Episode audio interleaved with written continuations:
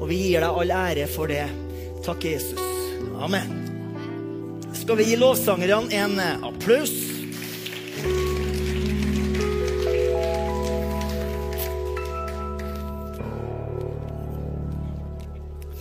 Veldig flott igjen vet du, å få lov til å holde ei preken i Betlehem. Det er herlig. Jeg håper du har det bra. Har vi det? Sånn, sånn noenlunde? Jeg har det veldig bra. Hadde noen eh, fridager til overs uka her, så da dro jeg og Trond Inge du, på fisketur på mandagen. Og målet var å få kveit, som det heter. Og vi fikk torsk, vi fikk sei, og vi fikk eh, brosme en masse. Og vi fikk eh, pigghå, berggylt, makrell. Men ikke noe kvitt. Så det blir da målet til neste år. Da skal det fiskes kveit, altså. Jeg drev og snakka med en del fiskere. der, da. De hadde jo sine egne teorier, alle sammen. Hvordan det her skulle løses. For eh, når du fisker kveit med line, så må du jo agne opp. Og øh, han ene han agna med hel fisk. Det var viktig, liksom. Det må være hel. Han andre nei, nei, nei, må, den må skjæres i to. Og du må ikke skjære rett over, du må skjære på skrå. Og en tredje nei, du må skjære den i tre. Så liksom, hva skal man tro på? Hver mann er sin egen ekspert. Sånn er det jo litt i livet. Vi vet best sjøl. OK. Det var bare en sånn uh, Hadde ikke noe med prekena å gjøre. Skal vi si at jeg har det bra? Jeg har vært og fiska.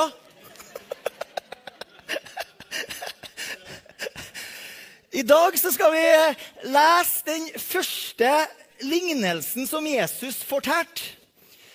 Og på samme måte som, eh, som hans første mirakel, så setter hans første lignelse liksom tonen for resten av Jesus sin tjeneste. Hans første mirakel det husker du kanskje, det var jo når han gjorde vann til vin i et bryllup i Kana i Galilea. Og hans første lignelse handler om ny vin eh, som må fylles i nye vinsekker. I hans første mirakel så viser Jesus oss på en måte at han har kommet for å gjøre alt nytt. Og i sin første lignelse så forteller han oss at det nye som han bringer, kan ikke liksom i lang tid holdes inn i, noe, i noen av de her kategoriene og institusjonene og, og, og det som vi mennesker konstruerer. Det har noe med kraften i det han skaper. Det, det, det er så sterkt at eh, det, det, må liksom det må fornyes. Det må, må, må puttes i noe nytt hele tida. Eh, det blir sånn at de her gamle tankemønstrene, eller mønstre for oppførselen vår som, som, vi hadde før, det må på en måte skiftes litt ut for at den nye vinen skal flyte. Og Den første lignelsen fra Jesus kan vi da lese i Lukas evangelium, kapittel 5. Og Den er jo der fra vers 33 til vers 39. Men sånn som det er med nesten alle av Jesus sine lignelser, så trenger vi på en måte å, lytte til lignelsen i den sammenhengen, altså i den konteksten som den opprinnelig ble snakka inn i. Så Derfor skal vi lese litt lenger vi skal lese fra vers 17. Og Lukas, eh, sånn som det står her, så er det sånn at alt, alt, alt det vi leser her, skjedde på én dag. På én dag. Og vi leser fra vers 17. En av dagene mens han underviste, satt det noen fariseere og lovlærere som var kommet fra hver eneste by i Galilea, Judea og Jerusalem. Herrens kraft var der til å helbrede dem. Se, da skjedde det at noen menn kom bærende med en lam mann på ei båre. Og De prøvde å få han inn og legge han foran han. Da de ikke kunne finne ut hvordan de skulle få han inn pga. folkemengden, gikk de opp på hustaket og firte både han og båra ned mellom taksteinene midt foran Jesus. Da han så deres tro, sa han til ham, 'Du menneske, dine synder er deg tilgitt.' De skriftlærde og fariseerne begynte å snakke sammen, og de sa hvem er, det, er denne mannen som taler sånne spottende ord? Hvem kan tilgi synd uten Gud alene. Men Jesus, som kjente deres tanker, svarte dem, 'Hvorfor tenker dere sånn i deres hjerter?' Hva er lettest å si? 'Dine synder er deg tilgitt', eller å si 'Stå opp og gå'?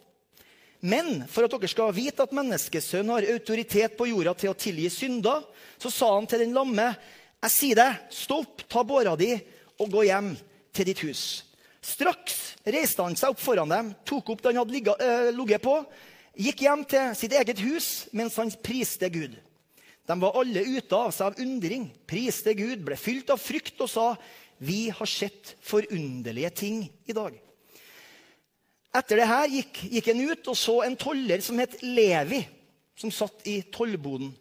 Og han sa til ham, 'Følg meg.' Da forlot han alt, reiste seg og fulgte han. Deretter holdt Levi et stort gjestebud for han i huset sitt. Det var et stort antall tollere og andre som satte seg ned sammen med dem. Deres skriftlærde og fariseerne anklaga disiplene hans og sa, 'Hvorfor spiser og drikker dere sammen med tollere og syndere?' Jesus svarte dem, 'De som er friske, har ikke bruk for lege, men de som er syke.' 'Jeg er ikke kommet for å kalle rettferdige, men syndere til omvendelse.' Så spurte jeg ham, Hvorfor faster og ber Johannes' disipler så ofte, i likhet med fariseerne sine disipler, mens dine både spiser og drikker? Han sa til dem, kan dere få brudgommens venner til å faste så lenge brudgommen er hos dem? Men de dager skal komme da brudgommen blir tatt bort fra dem. I de dager, da skal de faste. Så fortalte han dem denne lignelsen. Ingen tar en lapp fra et nytt klesplagg og setter det på et gammelt. Ellers vil det, det nye lage en rift.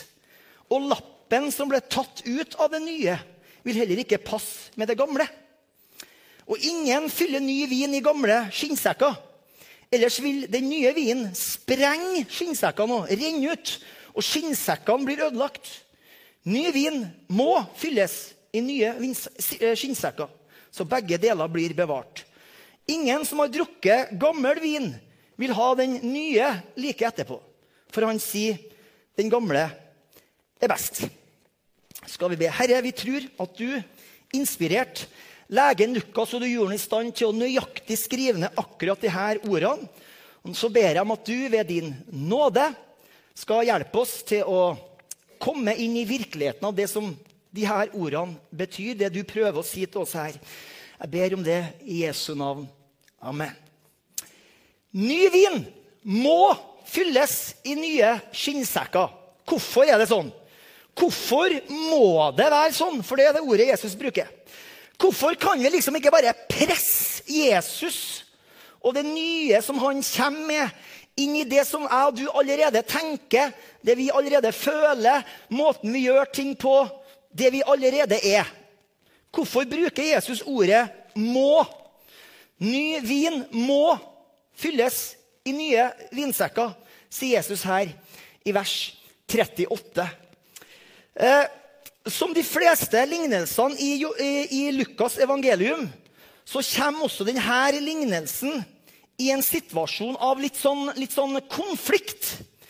Det er en konflikt med de religiøse lederne. Og særlig med fariserene og de skriftlærde.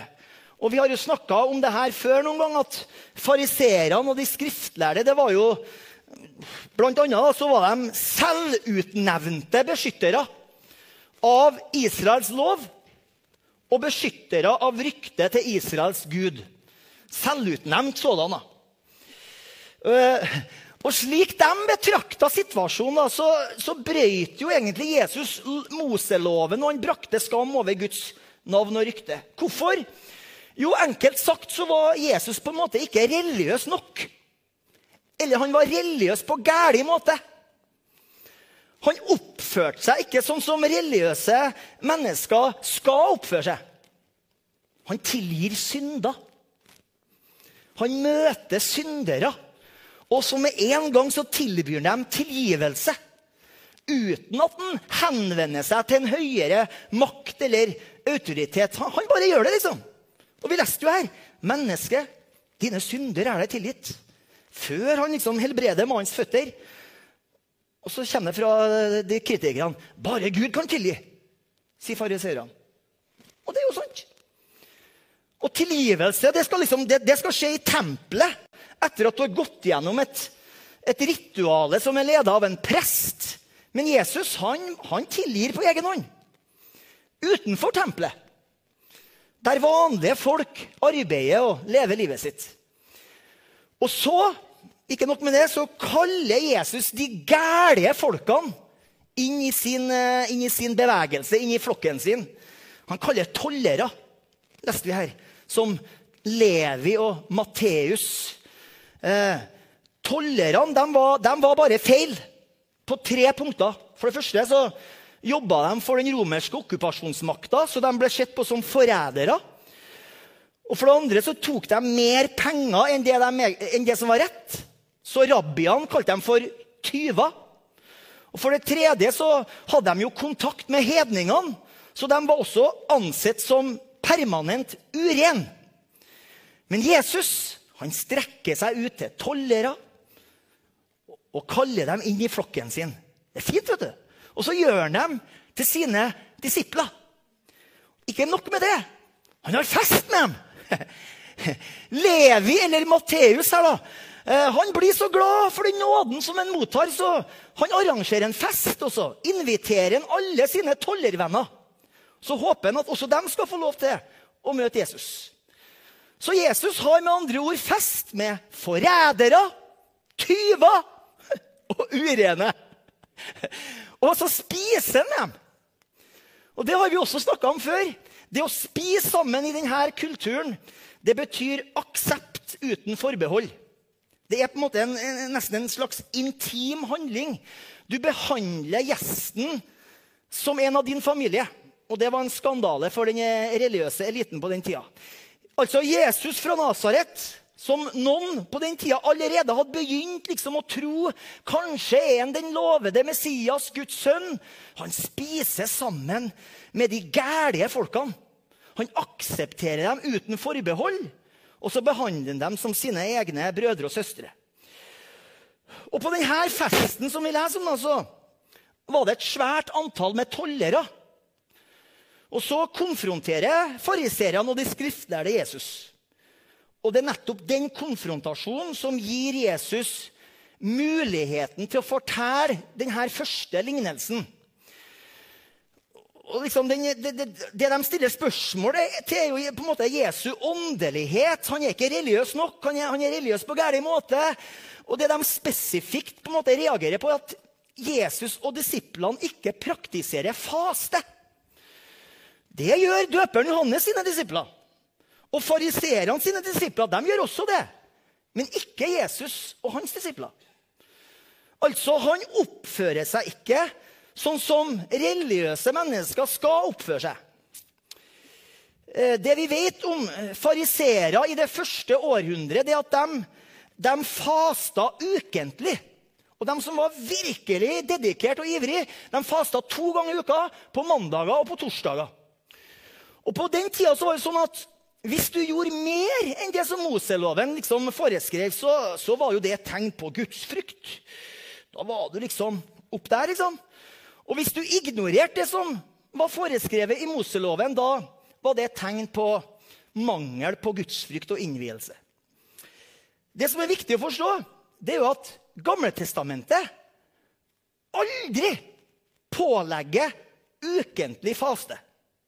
I Gamle Testamentet så fins det bare én eneste dag i året hvor faste var et påbud. Og det er et poeng. Og det var en dag Du kan lese om den i jeg tror det står i 3. Mosebok 16. Den dagen heter for Jom Kippur. Den store forsoningsdagen.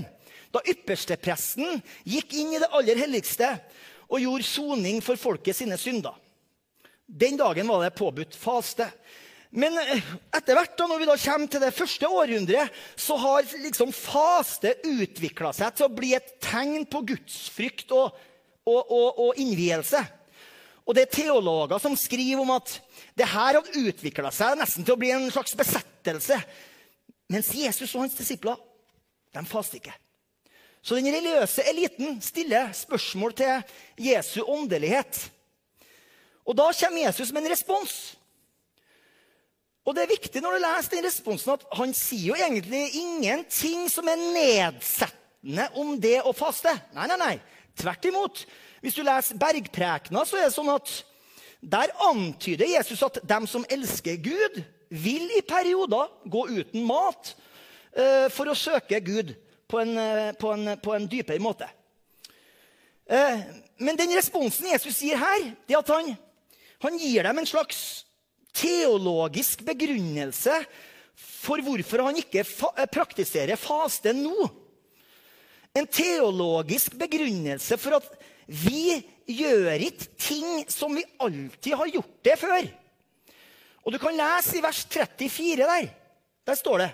Her kommer eh, forklaringa. Han sier, 'Kan dere få brudgommens venner til å faste så lenge brudgommen er hos dem?' På denne tida så var et bryllup det var en av de mest gledelige hendelsene i en by eller en landsby. De kunne holde på ei hel uke. Det er slitsomt. Eh, folk spiste, de drakk, de sang, de spilte og de dansa ei hel uke. Og, og, en bryllupsfest var ansett som så viktig for den mentale folkehelsa at rabbiene hadde en regel som sa følgende alle gjestene er fritatt fra alle religiøse forpliktelser som demper gleden. Kult! Og det er denne regelen som Jesus tar tak i når han responderer på beskyldninger om at han ikke er religiøs nok. Han påstår nemlig at noe har skjedd i verden som den religiøse eliten ikke har fått med seg, og som forandrer alt. Og det som har skjedd, ifølge Jesus, det at brudgommen har kommet. Brudgommen har kommet. Og jeg ser for meg, Når han sier det, så, så blir jeg stilt i det rommet noen sekunder. Liksom, Hva var det du nettopp sa, Jesus? Impliserer du at, at du er brudgommen? At du er det? Og det, det, overrasker meg litt at ikke fariseerne og, og de skriftlærere tar opp noen steiner og begynner å steine. For du skjønner at i Gamle Testamentet så er brudgommen det er Javé. Det er Herren sjøl. Så den uttalelsen er jo egentlig voldsom i den konteksten der. I Jesaja 54 står det Frykt ikke, du skal ikke bli til skamme, for din skaper er din ektemann. Og i Jesaja 62 står det Du skal ikke mer kalles den forlatte, og ditt land ikke kalles ødemark. Men du skal bli kalt mitt velbehag og ditt land, den jeg har tatt til ekte. Som en brudgom gleder seg over sin brud, skal din, skal din Gud glede seg over deg. Og i Hosea 2 der snakker Gud til troløse Israel, og så sier han det at hun gikk etter fremmede elskere, men meg glemte hun. Og så Jeg skal lokke lokke henne, føre henne ut i ødemarken og tale vennlig til henne. På den dagen skal det skje, sier Herren, at du skal kalle meg min ektemann. På den dagen skal jeg slutte en pakt med henne. Og da refererer han da til en ekteskapspakt. Så tenk på Jesu ord her. Han sier dere kan jo ikke få brudgommens venner til å faste så lenge brudgommen er hos dem. Kan dere det? Nei. Det, så, så, det er egentlig en voldsom uttalelse fra Jesus. For han egentlig sier at brudgommen har kommet, og jeg er brudgommen. Ok? Og fordi jeg er her, så er alt annerledes. Ting skal forandres nå. De gamle tankemønstrene, handlingsmønstrene, skal settes til sides. Nå skal det tenkes, og det skal handles på en annerledes måte. For nå er jeg her alle mine det som er herlig, alle mine etterfølgere er fritatt enhver praksis som demper gleden. Fordi jeg er her, så er deres tradisjoner, deres vaner og deres regler det er sekundært. Det kommer i andre rekke. Jeg er her, og det er det som betyr noe. Så hvis Jesus er bruden Nei, hvis Jesus er brudgommen, unnskyld hvem er da bruden? Jeg tenker, vi er det. Og jeg tror at disiplene sakte, men sikkert etter hvert forstår at De er ikke bare brudgommens gjester på festen. Nei, de, de er bruden. Eh, så dem som dem, dem, er dem som Jesus kaller inn i sitt fellesskap. Det er dem som er bruden. Jesus tar altså tollere og syndere, og så gjør han dem til hans brud. Det er veldig flott. Så sier han her du kan, kan da ikke la brudgommens venner faste så lenge brudgommen er hos dem. Jeg tenker enda mindre bruden. Du kan ikke la bruden faste når brudgommen er her. Så Jesus sier egentlig her at en dag så vil festen ta slutt en liten stund. For en dag vil brudgommen bli tatt bort fra dem. Og det ordet 'tatt bort' det er et ord som uttrykker vold. Så Jesus henviser til sin død og til sin korsfestelse. På den dagen skal de faste. For det var nettopp den dagen som var foreskrevet i Gamle Testamentet. Jom Kippur, den store forsoningsdagen. Men etter den dagen så starter festen igjen. For Jesus lover dem at han skal komme tilbake, og at de aldri skal være borte fra hans nærvær igjen.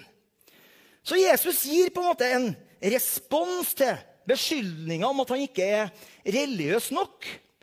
Han er religiøs på en feil måte. Men han påstår at noe har skjedd i verden som forandrer alt. Han har kommet, og hans nærvær det er det som betyr noe. Det som betyr noe, det er å ha en relasjon med han. Og Det er nettopp det han får fram i lignelsen som vi skal se på. Ny vin må fylles i nye vinsekker. Ingen fyller ny vin i gamle skinnsekker. Og Han forklarer jo det her, for da vil den gamle skinnsekken revne. Og da blir det sånn at både vin og vinsekken går til spille. Så ny vin må fylles i nye vinsekker. På den tida var vinsekken laga av dyreskinn, veldig ofte geiteskinn. Sekkene strakk seg liksom ettersom vinen eh, fermenterte, som det heter. Men det funka jo på, på, en måte opp til en viss grense. da. Hvis du fylte opp med ny vin nok en gang, så hadde jo sekken liksom nådd sitt eh, potensial. Så da, hvis det kom en ny gjæringsprosess, så ble den sprengt. For da ble trykket på innsida for stort. Og det var kanskje ikke så farlig at selve vinsekken eh, eh, sprakk, da, men man ville jo absolutt ikke miste vinen. Da ble det ikke noen fest. så hva er den nye vinen som Jesus snakker om? Jeg tenker jo at altså det, det, det, kan jo være mange ting, men jeg tenker at først og fremst så er det Jesus sjøl. Den nye vinen det er Jesus. Det, er en person som alltid er den samme i går og dag til evig tid. Men selv om han er den samme, så er han på en måte også ny hver dag. Jeg tror den nye vinen, det er Jesus. Det er Guds rike. Det er åndens nye liv. Det er evangeliet. Jesus, rike, ånden, evangeliet. Den nye vinen, det er Jesus sjøl som på en måte bringer sitt rike inn i denne verden, og som utgyter sin ånd i sine disipler. Vi kan si det på en annen måte med terminologien fra denne teksten. Den nye vinen er Jesus som brudgom som utøser sin kjærlighet over bruden. Det er hans kjærlighet og det er hans liv som strømmer fra han til hun. Og det livet er sterkt. Det livet er veldig sterkt. Det er alltid nytt. Det ekspanderer. Det strømmer. Derfor står det 'ny vin må fylles' i nye vinsekker. For hvis vinsekken ikke er ny, så vil de ikke være i stand til å utvide seg av det indre trykket. Og da vil både vinsekken og vinen gå til spille. Vil gå tapt.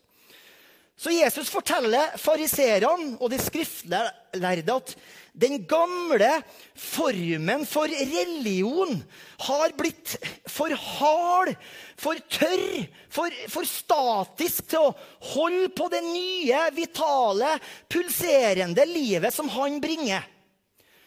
Og sånn som det var med jødedommen i det første århundret, sånn kan det også veldig fort bli med kristendommen i det 21. århundret. Det er mye kristendom som er for hard, for tørr, for statisk, for stillestående til å bære det her nye, levende, pulserende livet fra Jesus. For noen år siden så var det en professor han het for Howard Schneider.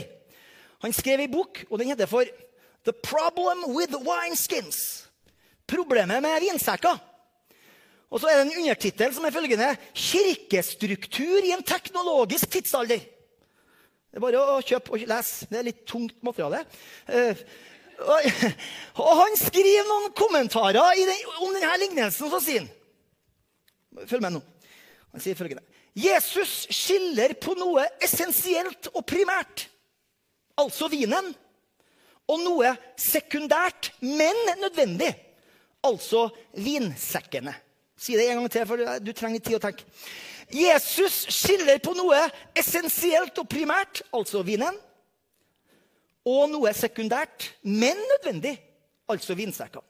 Og så har vi snakka litt her nå at vin det er evangeliet, det er Jesus, det er Guds rike, det er åndens nye liv. Vinsekkene er jo på en måte tradisjonene, strukturene, handlingsmønstrene som har utvikla seg rundt evangeliet.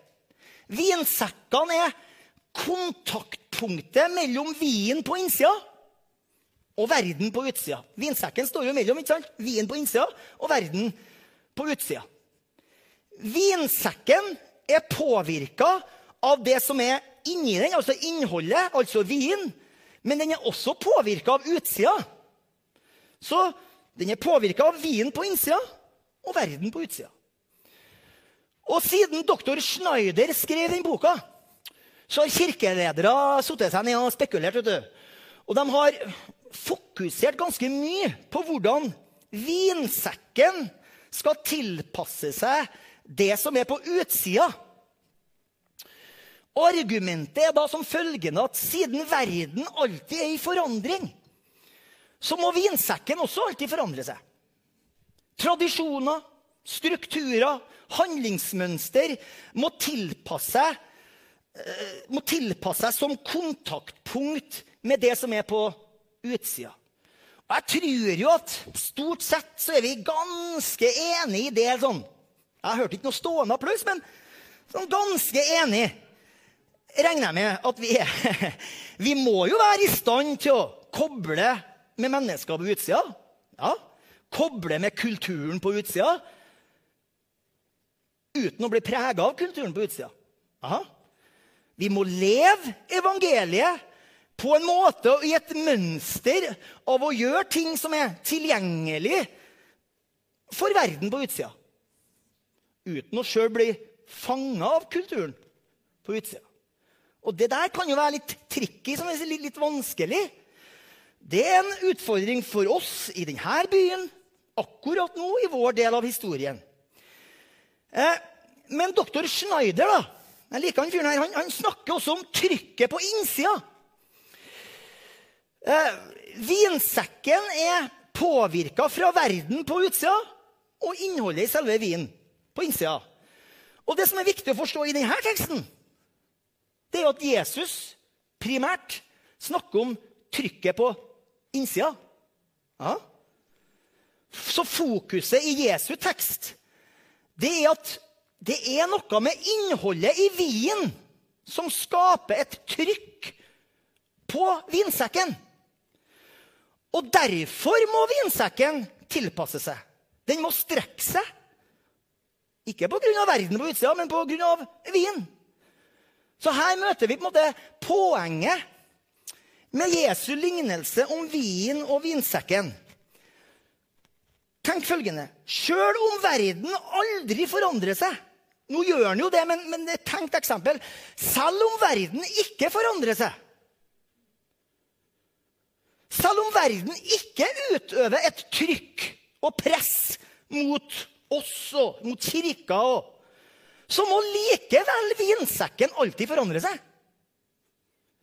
Den må alltid utvide seg og strekke seg hvis den skal holde på den nye vinen.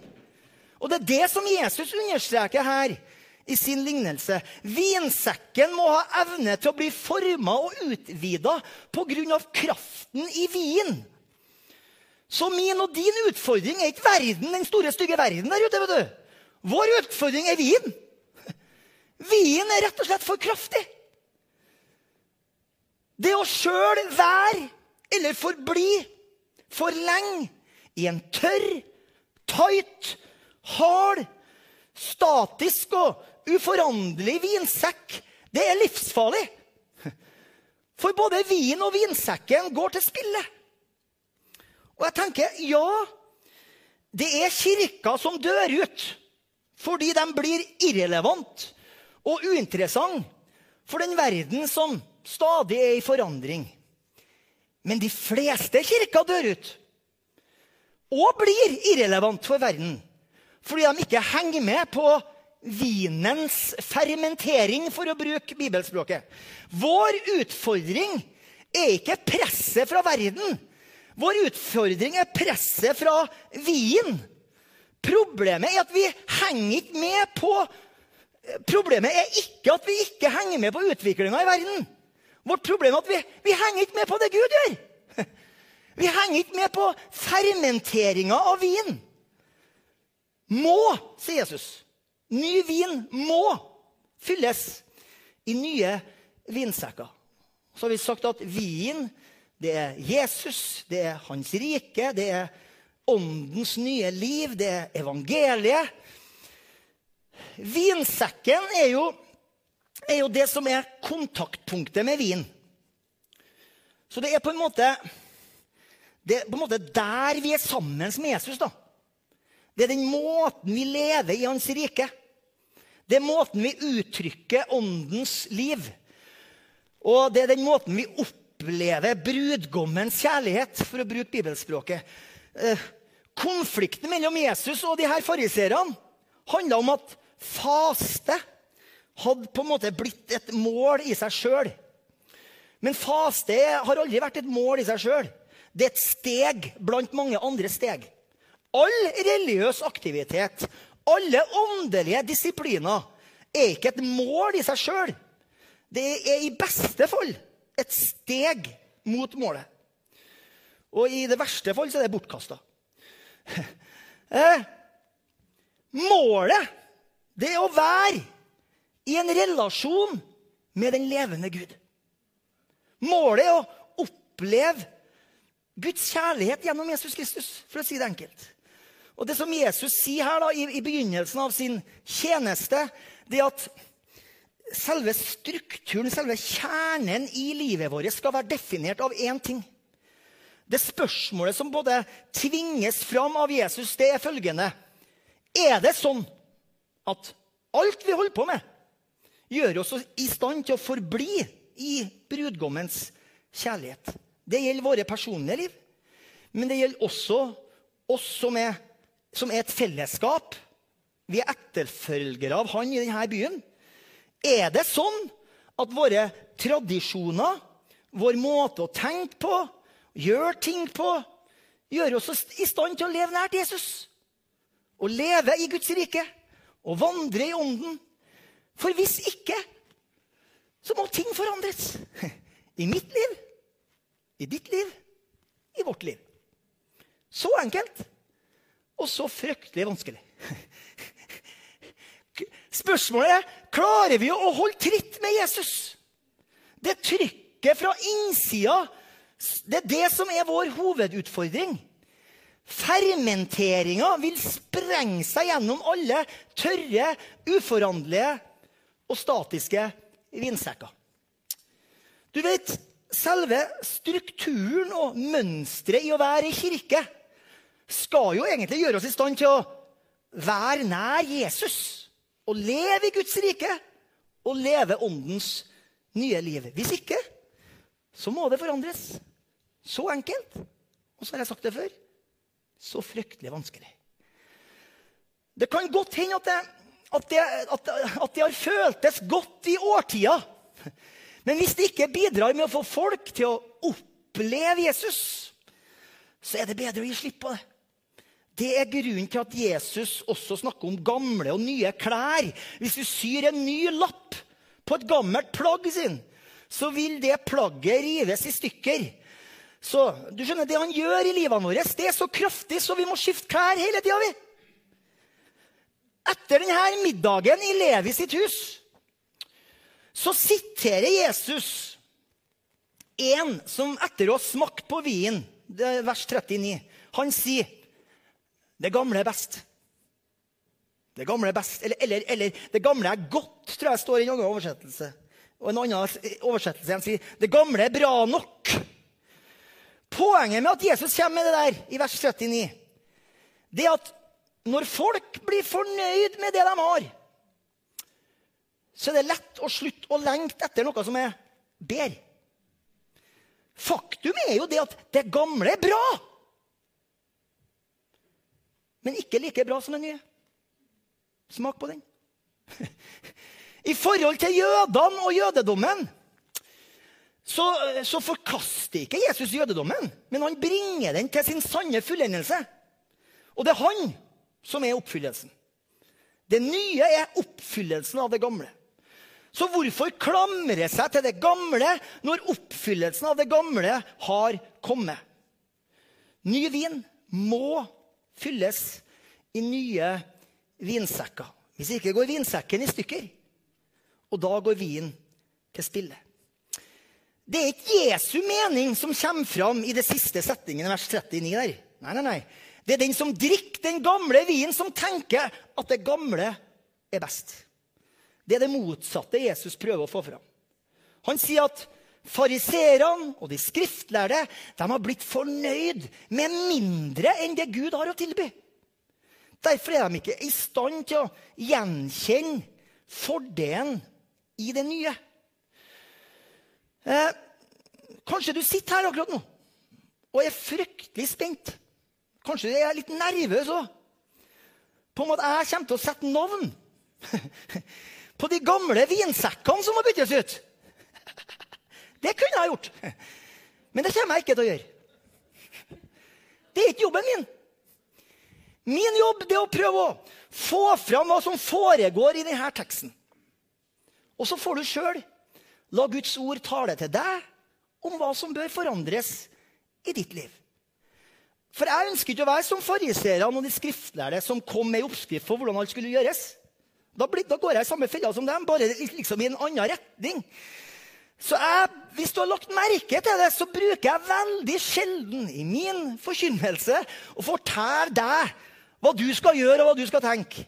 Men jeg er veldig frimodig når det gjelder å legge ut hva som foregår i teksten. Og så stoler jeg på kraften i Guds ord til å trenge inn i sjel og sinn og minne deg på hva som trengs av forandring. Jeg stoler på at han skal fortelle oss, meg og deg som individ, oss som et fellesskap, hvilke forandringer som må gjøres. Det er et veldig smart hode som har sagt følgende og den her er dyp. Det er stor forskjell på våre erfaringers Gud og den Gud vi erfarer. Ja?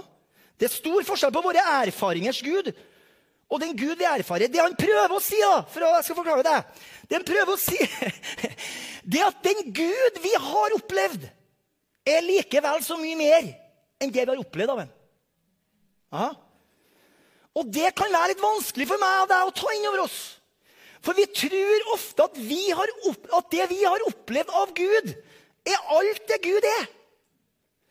Og det som veldig ofte skjer da, det er at vi, vi setter oss ned og så er vi fornøyd med det vi har opplevd.